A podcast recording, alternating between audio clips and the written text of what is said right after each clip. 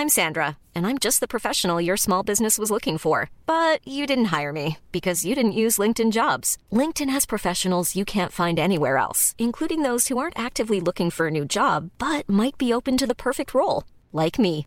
In a given month, over 70% of LinkedIn users don't visit other leading job sites. So if you're not looking on LinkedIn, you'll miss out on great candidates like Sandra. Start hiring professionals like a professional. Post your free job on linkedin.com/people today. Burrow is a furniture company known for timeless design and thoughtful construction and free shipping, and that extends to their outdoor collection. Their outdoor furniture is built to withstand the elements, featuring rust-proof stainless steel hardware, weather-ready teak, and quick-dry foam cushions. For Memorial Day, get 15% off your Burrow purchase at burrow.com slash ACAST and up to 25% off outdoor. That's up to 25% off outdoor furniture at burrow.com slash ACAST. Hey Dave, Yeah, Randy. since we founded Bombus, we've always said our socks, underwear, and t-shirts are super soft. Any new ideas? Maybe sublimely soft. Or disgustingly cozy? Wait, what? I got it. Bombus. Absurdly comfortable essentials for yourself And for those facing homelessness. because one purchased equals one donated. Wow, did we just write an ad? Yes. Bombas. Big comfort for everyone. Go to bombas.com slash ACAST and use code ACAST for 20% off your first purchase. Et år på bibelskole, et liv med substans. Bibelskole Substans ligger i Bergen, tett på folk og fjell. Vi løfter fram etterfølgelsen av Jesus, Bibelen, framtiden, menighet, samfunnsliv og ikke minst ledelse, fordi vi tror på alle menneskers potensial til å påvirke og lede i sin hverdag. Et år på bibelskole, et liv med substans. Sjekk ut mer på substans.co, eller søk oss opp på Facebook. Bibelskole Substans.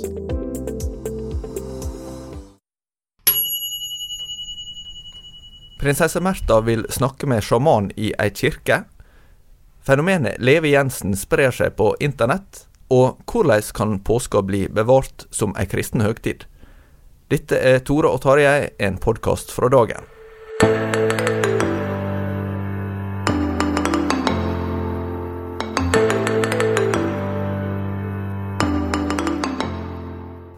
Velkommen til en ny episode i Tore og Tarjei. Her sitter jeg, Tore Hjalmar Sævik, redaktør Tarjei Gilje i Dagen. Og så har vi med oss en gjest, Tarjei.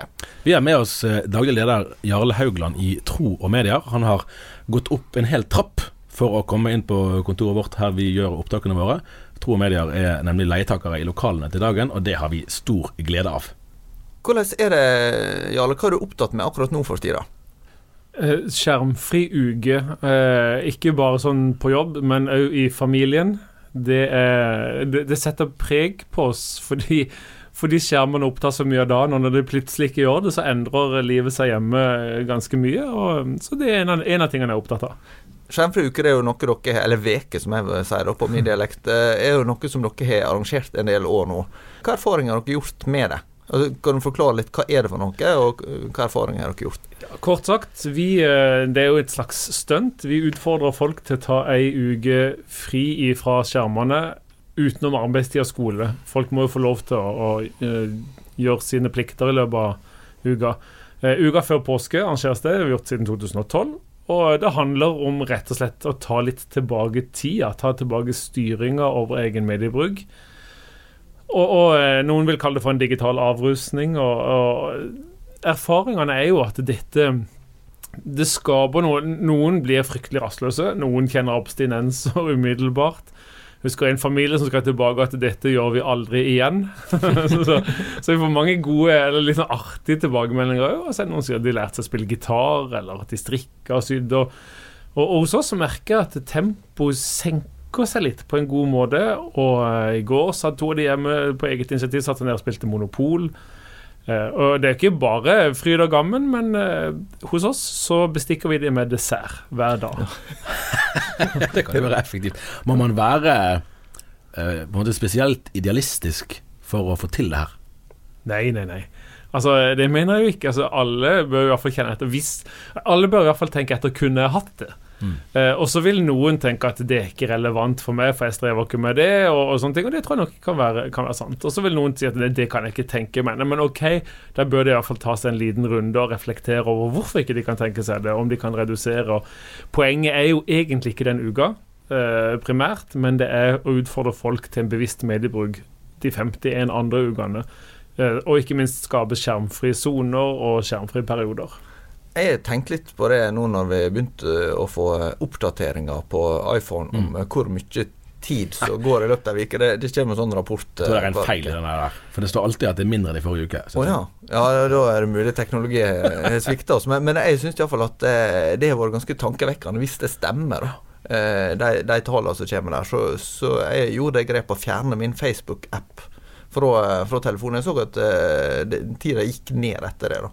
Så prøvde jeg også en periode med svart-hvitt-skjerm, faktisk. Uh, og det, det er jo, jeg syns det fungerer liksom mentalt sukker. dette her. Altså hvis, hvis du har lett tilgang på det, så er det veldig lett å forsyne seg. Men hvis du eh, på en måte tar noen valg, da, så er det kanskje lettere å begrense. Jeg prøvde på et eksperiment da, i fjor, så, for da hadde jeg hørt om, eh, om en som hadde Han hadde kun altså en ikke-smarttelefon. da Altså han, han her det gjelder jobber med mediegrafikk, så han vet absolutt hva smarttelefoner er for noe. Men han hadde et ganske bevisst valg om å kun ha da, en, en analog telefon. eh, Og så skulle jeg prøve å gjøre dobbelt. Altså Jeg hadde smarttelefonen, men jeg skulle legge den vekk når jeg kom hjem, og ha den andre. da eh, Og bruke den for å kunne ta telefonen hjemme hvis noen ringte. og greier Jeg fikk ikke det til. altså det, det som, Vi bruker jo telefonen til så grådig mye mer enn å, enn å ringe og det som var telefonens basisfunksjon før. Så den konen min kjøpte, var jo snilt gjort av hun har kjøpt en flott telefon til meg til bursdagen. Den har jo bare blitt liggende. Så hun ville jo egentlig returnere den. Kanskje vi burde gjøre det. Men det var dumt, for det var egentlig en god, en god tanke. da Men Noe av utfordringen er jo at smarttelefon er både underholdningsarena og et verktøy i hverdagen. Ja, Altså det er akkurat det. Du er i banken og det har Ja, og hvordan skal vi klare å skjelne mellom det? For, fordi altså, telefonen i seg selv gir oss ingen hjelp til å skjelne mellom det nødvendige og det interessante, eller det artige og det viktige. Mm. Altså Det er liksom ikoner som er helt flate, eh, og det er noen farger som stikker seg ut. Men utover det så får vi ingen hjelp til å skjelne mellom det, og dermed så så blir det enten-eller. Altså enten så legger vi den helt vekk, eller så bruker vi alt. Og Der tror jeg vi må jobbe litt med ok, kanskje jeg må slette noen appene, kanskje f.eks. Facebook eller spill eller andre sosiale medier, og rett og slett gjøre noen egne valg. Som sier at eller bare disse appene skal jeg bruke i gitte perioder og sånne ting. Fordi jeg ser jo det at ei, ei ren skjermfri uke er nesten umulig. Fordi det, altså det er nettbanken, det er bussbillett på app, Ja, ja, det er ulike sånne ting. Så og jeg har ikke telefonkatalogen heller lenger hjemme, så det, det er en sånn, sånn hverdagsutfordringer hvis man skal ha liksom fullstendig så, så jeg tror vi må, må ta noen bevisste valg for å lære å skjelne mellom hva som er viktig for meg i livet mitt, og så og så handler det jo litt om å ta tilbake blikkontakten, f.eks. Se hverandre inn i øynene når man har mista litt på veien. og Snakke ubrutt samtale med hverandre, noe som vi ofte mister òg fordi det kommer stadig push-varsler. Man må slå av ganske mange push-varsler. jeg. Jeg husker første gang tror jeg jeg leste mange år siden Jeg leste Time og Newsweek, altså disse amerikanske nyhetsmagasinene. Så husker jeg tenkte at disse kommer jo hver gang i uken, tror jeg. I hvert fall gjorde de det da, på den tiden. Eh, og da tenkte jeg at nå har jeg lest dette bladet her i kanskje en time. Eh, og jeg syns jeg har fått med meg ca. kanskje like mye som jeg ville fått i sum da, av å lese avisene hver dag denne uken. Men jeg har spart en del tid. Dette er jo farlig, farlig for oss som jobber i en avis å snakke om. Men, men det var jo en litt parallell problemstilling bare lenge før eh, smarttelefonene. Der du, du kan bli fanget hele tiden i det her øyeblikkets eh, tyranni, at du må bare sjekke akkurat nå. Eh, du kunne ha lest noen kapitler i en bok, eh, og så kunne du sjekket Facebook-feeden litt senere på datamaskinen kanskje istedenfor på telefonen. Eh, og egentlig fått med deg ganske mye av, eh, av det vesentligste du trengte likevel, men i sum sitter det igjen med, med mye mer dannelse. Og dette gjelder jo på mange områder i livet, tenker jeg på, at, at eh, uheldig utvikling er jo ofte et resultat av utilsiktede bivirkninger. Det er ingen som har, kan være noen har gjort det, men de fleste av oss har ikke planlagt at smarttelefonen skal bli en stadig større sentral del av livene våre og overta alle mulige funksjoner. Men det skjer litt og litt. Og ja, men det var jo jammen bra at vi kan gå i banken på telefonen, sant? eller at vi kan sjekke værmeldingen eller telefonkatalogen. I og for seg gjør alt dette livet litt enklere, men summen av det eh, har noen negative sider som, som eh, det er sånn farlig, for Man kan jo bli oppfattet som sånn kjip, eh, gammel, tilbakeskuende type hvis man problematiserer ting, men det tror jeg vi må våge å gjøre. da. Apropos eh, ting som er blitt eh, problematisert, så har vi de siste dagene her i eh, dagen hatt ganske mye oppmerksomhet rundt prinsesse Märtha Louise og hennes planlagde samtale med en sjaman i St. Petri kirke i Stavanger. Eh, hva tenker du om den saka, Jarle? Eh, Oi, det, den er nok et eh, skal, jeg- Den er kanskje mer et symptom på et dypere problem enn den saken. For den saken i seg sjøl mener jeg er problematisk. Mm. Eh, Her, her bringer man inn en helt annen religion, en helt annet verdensbilde, en helt annen livsforståelse. For Altså, det bringer man inn i kirkerommet og i, i, dette landskapet. Og, kanskje for meg det, det, det er et symptom på en kirke som ikke lenger forstår dybden i hva det vil si å tilhøre en hellig gud, eh, som sier at du skal ikke ha andre guder enn meg. Eh, Såpass dypt vil jeg si at dette går, eh, og, og som vender seg rundt, selv om de, de vil kanskje si at dette leier vi ut, men allikevel, det handler om å slippe det inn i kirkerommet og si at dette er her er det åpent også for det landskapet, og det mener jeg er ganske problematisk. Eh, Biskop eh, Annelise Ordnøy, eh, det er jo ikke hun som tar avgjørelse som utleier, det er jo det menighetsrådet som gjør. Men, men hun har meint at dette handler om selvutvikling. At hun ser ikke på det som et sånn åndelig arrangement. da. Eh, hva tenker du om det? Det handler om å, å forstå litt om hva, hva er både kirkerom og den kirkelige arenaen til for. Eh, det blir en slags skal vi si, nesten en litt dualistisk tilnærming til, eh, til livet. Som om at vi sier at når, når det ikke er en åndelig Altså hva er det i kirkelivet, hva er det i livet vårt som ikke er åndelig? Er det, det, er det da menneskelig? Eh, hva da når, Jesus ble menneske? Er inkarnasjonen åndelig eller er den menneskelig? Vi, vi, vi skaper en slags dualisme som, som utfordrer eh, Eller som går litt på tvers av det jeg mener Bibelen forteller. Og det med å anerkjenne at eh, livet er ikke sånn. Gud fins i alt, og han ønsker å være herre over alle arenaer, også det som går på selvutvikling. Vi kan ikke si at her kan vi legge troen vekk og invitere andre livs inn. inn altså, og, fordi Gud er jo nettopp skaperen av oss og vet hvordan vi best mulig kan leve ut våre liv. Så jeg, jeg mener jo at det er en problematisk tilnærming til en problematisk verdensbilde som hun formidler gjennom det hun sier der.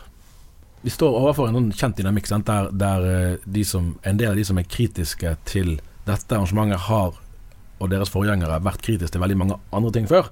Og man er på en måte vant med fra Den norske kirkes side eh, at man blir kritisert når man gjør ting som kanskje er litt uventet og overraskende. Eh, og da får du sånne ulv-ulv-mekanisme. Sånn dette, dette, er alvorlig, da. Vil, jeg kan ikke se noe annet enn det. Når man skal ha inn en sjaman i en kirke. Altså det, sett, der ligger jo videoer ute av han her på YouTube. Det han holder på med, det, dette er ikke kristen tro.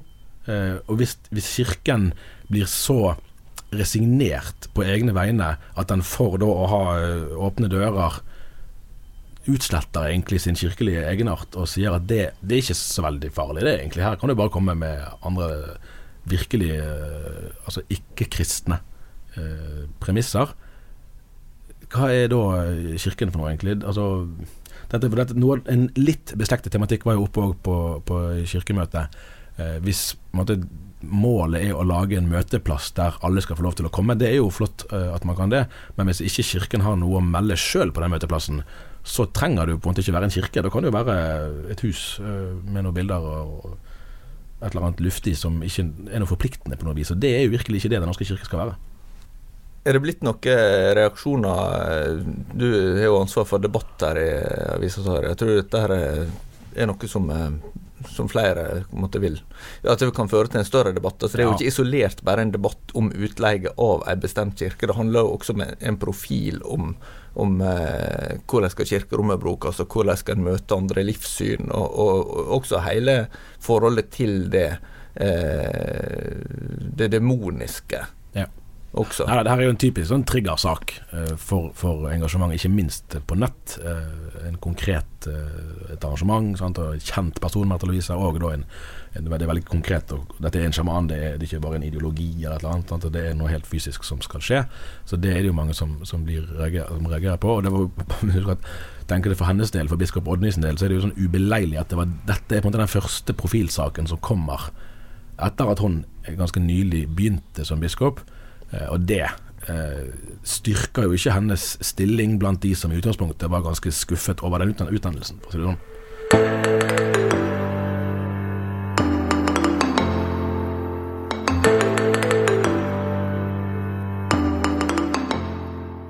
En annen ting som har vekt mye oppmerksomhet eh, blant våre lesere i det siste, det er jo fenomenet Levi Jensen.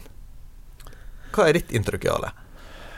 Jeg, jeg har tenkt litt sånn at altså, uh, Lev Jensen er jo et, fen, altså, kan vi si et fenomen på internett, da. Uh, men Ja, hva, hva er det han driver med? Kan vi bare, for de som ikke måtte ha hørt om det før, forklare litt eh, Ja, han driver jo en utstrakt uh, forkynnervirksomhet, og han, er- han er smart i det f.eks. at han bruker eh, Snapchat som teaser-kanal for da å henlede oppmerksomheten på YouTube-kanalen sin, der han har eh, bibeltimer og, og andre slags eh, formidlinger. Så han er jo kløktig eh, på den måten. Eh, og så var, Vi fikk jo litt reaksjoner i forbindelse med de første oppslagene om ikke vi hadde skjønt at de fleste som ser på dette her, gjør det jo Altså gjør narr av han, eh, og ser på det som underholdning eh, mer enn som at de måtte høre på forkynnelse. Det kan jo, det, Vi var klar over det, for å si det sånn. Og det, Vi vet jo ikke Vi kan ikke sitte her og, og vite hva slags motiver alle mulige folk måtte ha for å, for å se på hans videoer. Og det er jo veldig mange som har sett på han. Vi ble litt sånn betenkt når vi skjønte, idet vi begynte å skrive om det, hvor utbredt det her fenomenet var, før vi egentlig hadde oppdaget det. Ja. Ja, For han holder vel til borte i Telemark eh, en eller annen plass, og er en middelaldrende mann Mm. Eh, som da eh, starta seg en egen YouTube-kanal som er blitt eh, veldig populær blant ungdom. Men du, du var i gang med å eh, forklare, hvordan Nei, nei eh, eh, det er jo den på måte umiddelbare reaksjonen hos veldig mange er jo at oi, dette, dette er litt spesielt. Det, det må man jo erkjenne. Eh, at det er det er ikke den måten å formidle på som de fleste kristne vil tenke ja, det er en fin måte å nå For, han har en del eh, altså, taler i tunga, en del utrop som har blitt en liksom sjargong hos ungdommer som syns det er litt sånn kult og morsomt, og så ler de han. Men så er det noe med at jeg tror at vi som kristne trenger å puste en gang ekstra. Eh, og si at OK, eh, en original Gud har brukt mange originaler opp igjennom, og kanskje det er nettopp originaler han bruker i veldig mange tilfeller. Og det andre er at hvis han Nå har jeg ikke hørt, alt for, jeg ikke hørt veldig mye forkynnelse, derfor skal jeg være varsom, men, men hvis han forkynner en kristen tro, altså en kristen lærer i det han gjør, og har et, et hjerte for menneskene som han forkynner til, så, så tenker jeg at ja, men da er det et ganske godt utgangspunkt. Om det så er høy grad av originalitet, om det så er at 97 ler av han ja, om det så er, og, og det opplever jeg at han òg erkjenner at dette vet han at det er mange som ser på som underholdning, men det er noen som blir truffet av det. Okay, hvis det stemmer, og, og, og hvis det blir truffet av evangeliet, ja, så, så la de le av både meg og han. Eh, Det, det er jeg ikke så bekymra over. Eh, en ting som er utfordring, men det kjenner jeg ikke godt nok til, jeg håper han står sammen med noen. Jeg håper han har noen rundt seg, at ikke det bare liksom, bare Leve Jensen Ministry, men, men eh, at han har noen som som går sammen med han, som kan være en liksom mentor eller sparingpartner. Eller, ja, for, for det tror jeg ingen kristne er kalt til å jobbe solo. Eh, Så det er kanskje sånn min eh, hovedtanke. Men, men så tenker jeg at ja, vi, vi eh, Jeg vet jo at på, på kristne miljøer der også noen av mine barn beveger seg, de syns det er kjempebra. Og de Altså de, de på en måte ler med han, ikke sånn latterliggjør han. For de sier det er jo kjempebra, og så, og så går de med av og til klær og T-skjorte og sånne ting med, med noe av det budskapet han har. Liksom, Jesus er stammen, og det er jo kjempebra bilde, sier de. Og, mm. er okay, De klarer å vende noe av det fra liksom, latterliggjøring til forkynnelse med en ganske stor grad av glimt i øyet. Men, men eh, vi skal forstå det som et sånt tegn i tida, da. Eh, hvordan, eh, hva oppfatter du det som et eh, uttrykk for at, at eh, Levi Jensen er blitt et såpass stort eh, navn? Eh, Det ene er jo at han, eh, han bruker nye medier eh, mye, mye mer enn de fleste andre kristne har gjort. Altså, ja, selvfølgelig med unntak, men jeg tror han Det skal man anerkjenne, at han er flink til å, å bruke de. Og han er litt sånn strategisk. òg. Han har en lukka Facebook-gruppe der han slipper inn bare liksom skal være ungdommer som er søkende, så kan man si hvor mange de er reelt søkende, hvor mange de sier at de er det. Men altså, han har en strategi der han har en åpen arena, så han en teaser-arena, en åpen arena, og så har han eh, sånn meetup fysiske steder der han kommer, og så samler de seg rundt der. Og så har han en lukka gruppe. Så han er flink. Altså, Han framstår som flink til å bruke dette nye mediebildet. Høres jeg veldig gammel ut når jeg sier dette nye Ja, mediebildet. men det er jo nytt, for det må jo være ja, det er jo det. Eh, Men, men eh, og, og utover det så vet jeg ikke om jeg liksom skal legge så veldig mye mer sånn samfunnsanalyse eller kristendomsanalyse i det. det, det ja, Han har fått en større utbredelse nå enn han ville gjort for eh, 20 år siden, men det fantes originaler også for 20-30 år siden. Så det blir jo spennende å se ikke minst hva for en varighet det får. For det som kanskje er et av de viktigste kjennetegnene ved det nye mediebildet, er jo at ting sprer seg ufattelig mye fortere enn det som var mulig før. Men skal du holde en standing over tid, så må du jo ha mer å melde enn at du er øh, flink på dramaturgi. Uh, og det blir jo spennende å se, da. Helt klart. Og jeg håper jo at han har en, en større Altså, han treffer mange. Eh, kanskje gir det et Noen vil kanskje få en første slags nysgjerrighet. Veldig mange vil le av det og så glemme det. Men vi må jo også ha et tro på ordets kraft eh, i, i, i de tilfellene vi kanskje ikke tror det. Og så tenker jeg, ja, har han altså Har han gitt et slags call to action? Har han ledet de nytt, liksom, ta kontakt med lokal menighet eller sjekke ut videre? Eh, det håper jeg at han kan eh, komme med noen drypp til disse ungdommene som gjør at de tar et skritt videre også i i offline-livet. Mm. Offline-livet. Bra. Ja. Ja. Passer bra i skjermfri uke. Mm. Du leder jo en organisasjon også som har måttet tilpasse seg ei eh, helt annen medievirkelighet enn eh, enn da dere ble etablert. Eh, det som var det Kristelig Lytterlag det het da det kom, i 1934 eller noe. Altså NRK Norges Kristelig Lytterlag i 1935. Ja, 35, ja. For NRK kom jo med radiosendinger i eh, 1933. Mm. Eh, og så har jo ting utvikla seg. De fikk TV på 60-tallet, og så er eh, internett blitt stadig viktigere. Men eh, hvordan tenker du om, om deres roller? Dere har jo gjort en del endringer både med navn fra altså, Mange av de som hører på, vil kanskje huske dere som eh, Kristelig Kringkastingslag, som det heter lenge. Eh, og så var det da eh, Familie og medier, og nå heter det Tro og medier. Kan, kan du fortelle hva, hva den endringa egentlig handler om? Ja, eh, det kan jeg gjerne. Det, det handla nok litt sånn Da jeg kom inn Det var en, en eh, jeg skal bruke eh, begrepet reise, det er litt sånn forslitt begrep, da. Men, det har vært en, en reise for min del fra jeg starta å komme inn eh, og, og gikk inn i den rollen jeg trodde en skulle gå inn i, eller som jeg skulle gå inn i. Litt sånn eh, vaktbikkje, positivt sett. Altså for å verne om ting som er dyrebart og viktig. Og, Ja, for Bladet deres heter jo til å begynne med 'Vern ditt hjem'. ja, riktig. Ja. Og, og jeg mener at det har en verdi, men det som, vi, det som jeg opplevde litt sånn raskt, var at eh, det primære handler om å beskytte kristne verdier eller gode verdier, sette det på dagsorden, være en verdiforkjemper. Og for meg, og for måten jeg er skapt og skrudd sammen på, og det Gud har lagt ned i mitt hjerte, så kjente jeg noe, det er noe, mm, noen ganske store mangler i det. For, og ikke minst så leste jeg husker jeg leste 'Jomfrumark' av Peter Haldorf, der det var et kapittel som virkelig måte satt seg. Jeg tror nesten jeg kjente det fysisk da jeg leste det. Der han snakka om, om Augustin som hadde strevet litt med spørsmålet hva, hva er det spesifikke kristne bidraget til mennesket, uh, og, og også da til samfunnet. som så skriver Peter Hallaf noe om at i en tid med normoppløsning og grenseflytting, så, så kan vi som kristne stå, liksom, stå i fare for å si at ja, her, kan vi komme inn med en slags verdistemme, fordi det er et behov for det i samfunnet vårt. Og litt sånn umerkelig, skriver han, og som jeg kan kjenne på etterpå, at umerkelig så går vi inn og tar en rolle der vi står i veien for evangeliet. For vi gir et inntrykk av at det, krist, det spesifikt kristne bidraget til samfunnet og til mennesket, det er moralsk opprustning.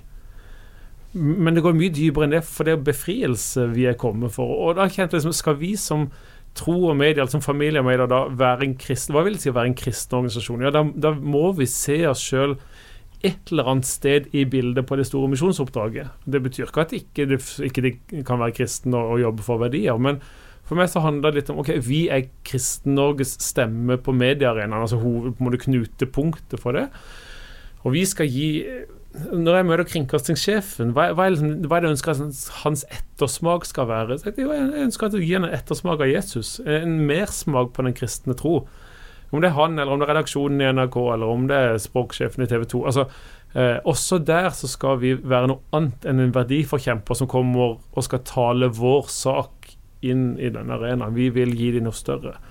Og det, det måtte, Derfor så, så, dreide vi, og vi sa da vi skifta navn fra familiemedia til troemedier, at vi, eh, vi vil gå fra å være vaktbikkje til å bli gartner.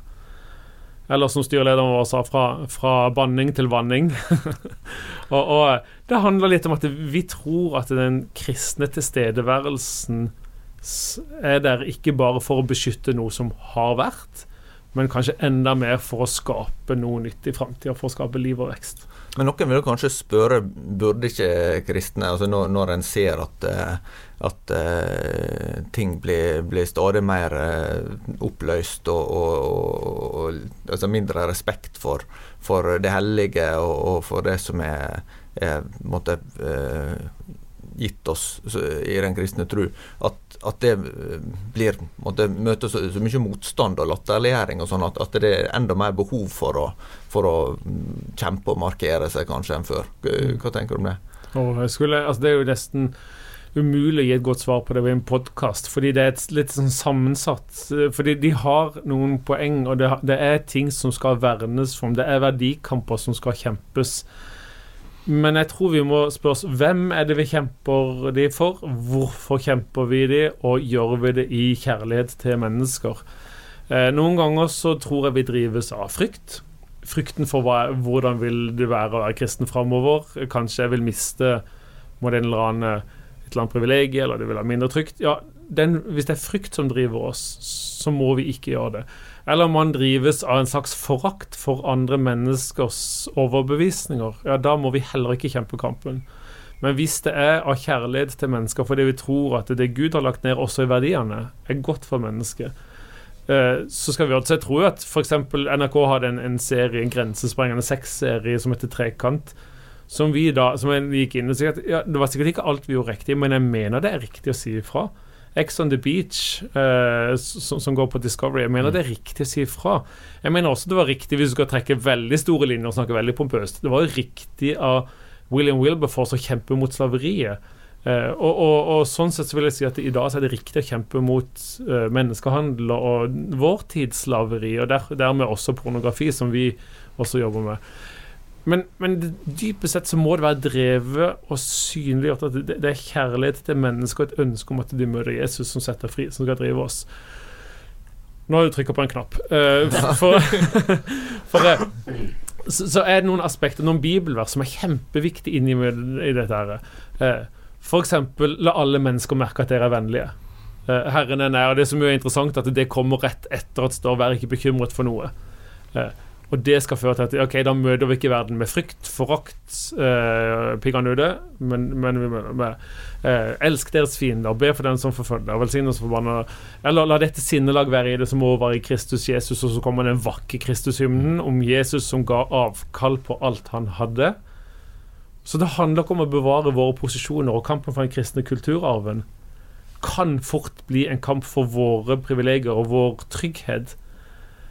Men vi må vende blikket framover og si hva vil det si å følge Jesus? Hva vil det si at Guds rike skal komme i vår tid og i morgendagen?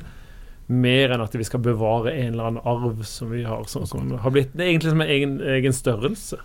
Vi er jo i, eh, i fastetiden. Og da pleier jeg å lese på den tiden her hvert år en eh, gammel bok av tidligere biskop Per Lønning som heter 'Vandring gjennom fasten'. Og Der skriver han bl.a. i en av tekstene om å kjempe det er jo kanskje motivet fra apostelen Peter, sant, som uh, prøver å hogge øret av den ene soldaten i, i, hagen der.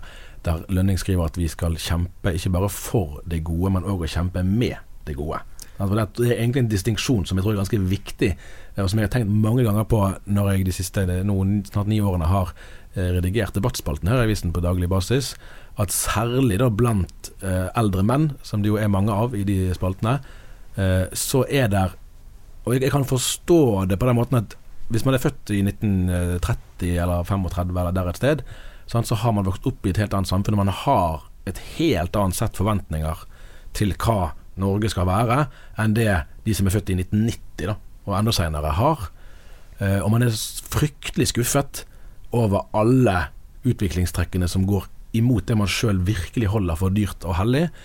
Eh, og skuffelsen blir til sinne som kommer til uttrykk i avisspaltene. Og så, ikke så sjelden Noen ganger kan tekstene være helt rettferdige, og skrevet med all mulig menneskelig varme og, og kløkt og, og, følsomhet og alt som er godt. Uh, men ikke så sjelden så, så blir det en sånn her uh, nostalgisk uh, lengsel tilbake som en fortid som egentlig heller ikke var så herlig som man kan få inntrykk av. For hva er det egentlig man vil tilbake til? Det har vi snakket om flere ganger. Sant, om Norge ble avkristnet med Grunnloven i 2012, som noen har påstått. Ja vel, men var Norge kristent i 2011, da? Det var jo ikke så mange som nødvendigvis ville hevde det, av, av de som nå kritiserer på det grunnlaget. Men, men en ting som jeg tenker er interessant å, å snakke om da, det er jo hvordan gjør vi eh, hvordan møter vi det at vi lever i en ny kultursituasjon? F.eks. nå når vi er på vei inn i påska. Mm. Uh, det er jo flere som har påpekt at uh, vi er gått fra en situasjon der altså fra høgtid til fritid. At eh, høgtidene er blitt mer enn å minnes det de egentlig handler om, så blir de avkobling fra alt og, og, og, og reising og ferie. Og egentlig at de blir, blir veldig sekularisert eller avkristna. For å si det sånn, vi, I fjor feiret vi 70-årsjubileum eh, for den moderne staten Israel. sant? Eh, opprettelsen kom jo som en overraskelse òg på norske teologer, for så vidt vel òg, tror jeg vi kan si, på, på denne avisen.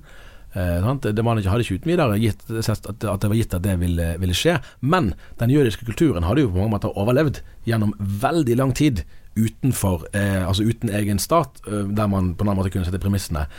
Og høytidene var jo ikke minst en sånn kulturell markør som var så viktig for å minne hverandre. Ja, vi er jøder, og derfor feirer vi Hanukka, f.eks. Eh, sånn som er omtrent i vår adventstid.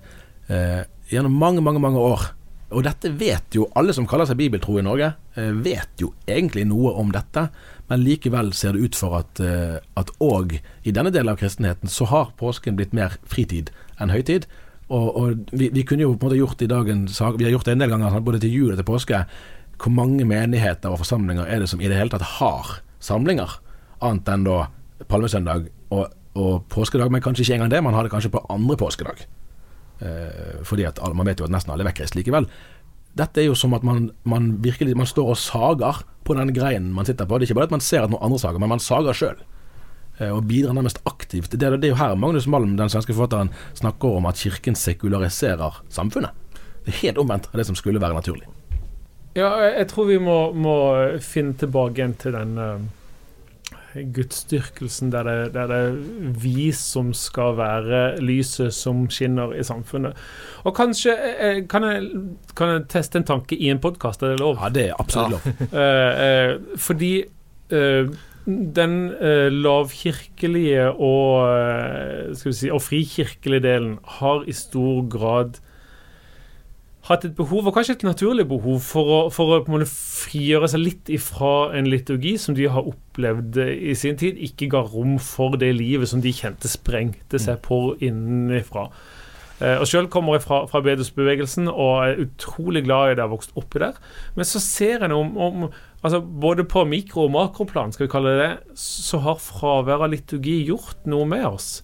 Altså På det personlige plan så kan fravær av liturgi gjør at bønnelivet blir mer strevsomt. Altså løn, liksom ditt personlige gudsliv. Gå inn i lønnkammeret, så kan du Ja, nå må jeg finne på noen ord i dag. Istedenfor å kunne gå i sporene til det som andre har gjort før. Altså, den, de liturgiene, de faste rammene, denne rytmen altså, Det tror altså, jeg Jeg pusser tennene hver dag. Det er ikke noe jeg bruker energi på. og Altså, hjernen skal ikke bruke energi på det som er viktig for oss, for det skal bli en vane, det skal bli en del av vår karakter.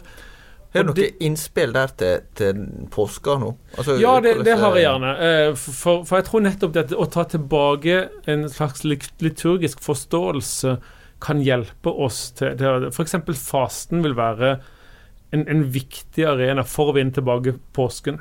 Fordi fasten er jo nettopp en forberedelsestid der du skaper rom, der du reduserer eh, Altså, du reduserer forbruk og, og, og, konsum både av mat, men også av, av andre inntrykk. Og for vår del, altså i det informasjonssamfunnet, medieinntrykk.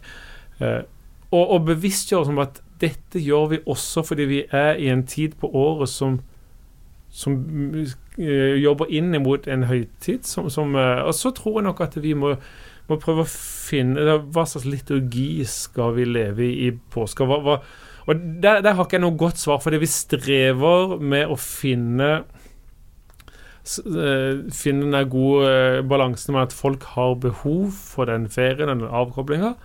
Men, men hvordan kan du kombinere det med å være i kirke? Jeg mener at eh, Om man er på ferie på fjellet, så håper jeg definitivt at folk finner seg en kirke å gå i. Eh, og står sammen med resten av Guds folk og sier at ja, han er sannelig oppstanden, som et svar. Eh, det, det, det skulle jeg ønske skal runge i ethvert hjem, for det gjør noe også med oppveksten til barnet. Så Dette er en del av rytmen vår, dette er en del av liturgien. Altså Jeg lærte jo sånn sett, vi har, altså Også i bedelsbevegelsen har man en liturgi. Og, og ikke bare som på møteform, men altså en av liturgiene som jeg har lært, er at søndagen så går vi på møte. Ja. Men, men sånn, også Hva med heimen, da? Så det, tenker eh, å lese bibeltekstene de forskjellige dagene, bruke sangene. Eh, for det er jo et av de paradoksene som er med, med påske, syns jeg, at det finnes veldig mange flotte og sterke påskesalmer men, og sanger fra forskjellige, perioder, og sånn, eh, men, men som egentlig blir veldig lite brukt fordi folk er så lite i eh, Mm.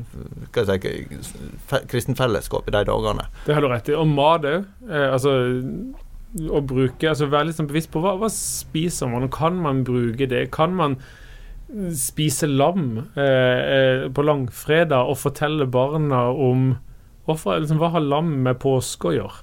Og det er mye annen symbolikk. Kyllingen og liksom, påskeegget som også er liksom, et symbol på, på nytt liv. Altså det, det handler om å ta i bruk mer enn bare, forstått rett, bare ordet og, og forkynnelse, men altså, altså forkynnelse i vidt begrep, og også ta i bruk symbolikk og andre sanser. Det tror jeg vi trenger. Jeg har bare lyst til å smette inn på slutten av en sånn tankekors at hvis vi lever liv som er så travle at vi må ha ferie i påsken og dermed ikke har tid til å gå i kirken, så er det noen premisser i det resonnementet som er feil. Og da må vi begynne et annet sted enn å kun se på torsdagen, og fredagen og søndagen. Men da må vi faktisk spørre oss sjøl som kristne er det noen andre måter vi kan innrette hverdagen vår på, sånn at det faktisk er mulig for oss å ta del i det kristne fellesskapet? For kristen tro er aldri ment å skulle være noe som er privat for den enkelte av oss, som vi skal leve ut på egen hånd. Kristen tro er et fellesanliggende. Vi trenger for vår åndelige overlevelses skyld, vi trenger å være i kirken i påsken. Det var eh, siste ord for i dag. Takk til eh, Jarle Haugland i Familie og Medier som eh, kom på besøk. eh, og, Sa du familie og medier?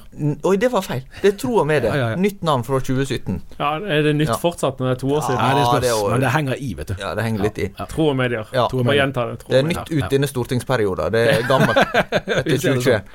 Eh, Men da oppfordrer vi igjen folk til å ta kontakt via Facebook-sida vår, Tore og Tarjei, hvis de har noe innspill der, eller på mail tarjei1dagen.no eller tore1dagen.no.